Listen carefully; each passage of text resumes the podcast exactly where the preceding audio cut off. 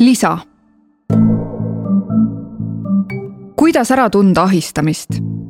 vahel võib juhtuda, et tunned ennast kellegi pealetükkiva käitumise tõttu ebamugavalt. see võib olla kallistus, mida sa ei soovinud, musitamine, silitamine, näpistamine, sulle liiga isiklikel teemadel rääkimine või kirjade saatmine, välimuse kommenteerimine, seksuaalse alatooniga naljade tegemine või midagi muud sellelaadset. kui see loob sinu jaoks suhtlemisel häiriva õhkkonna, siis on mõistlik teha üht kolmest. kas rääkida või kirjutada sellele inimesele, et selline käitumine tekitab sinus ebamugavust. või kui ise ühendust võtta tundub keeruline, siis võid paluda seda teha mõnel oma sõbral või kolleegil. kui see inimene vabandab või vähemalt lõpetab sellise käitumise, siis oli tegu inimliku arusaamatusega. meil ongi eri suhtlemisviisid ja täiesti normaalne on märku anda, mis sobib ühele ja mis teisele. kui see inimene aga oma pealetükkiva käitumisega jätkab, kuigi teab, et see on sulle ebamugav, on tegu ahistamisega. sel juhul tuleks võtta järgmine samm. kas pöörduda ahistaja ülemuse poole, sest just ülemus vastutab selle eest, et töökohal või õppeasutuses oleks normaalne õhkkond.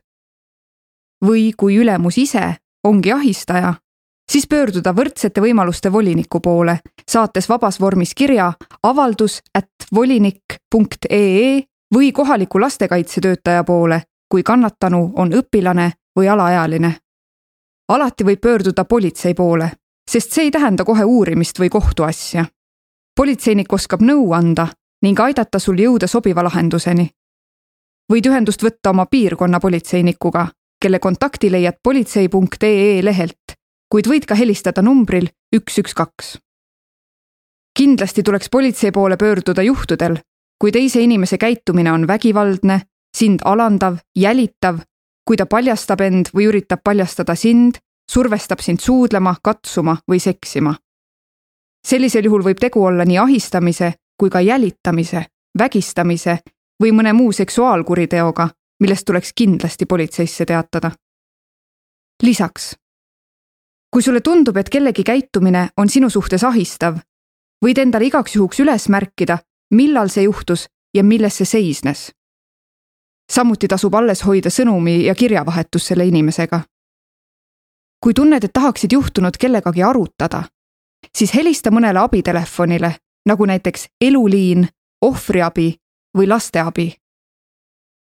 suuremates töökohtades ja koolides saab pöörduda ka sealse psühholoogi poole. Kui aga märkad, et keegi teine tunneb end ebamugavalt, siis ära jäta seda niisama. aita tal see olukord lahendada joonisena on seesama info kättesaadav levila.ee lehelt.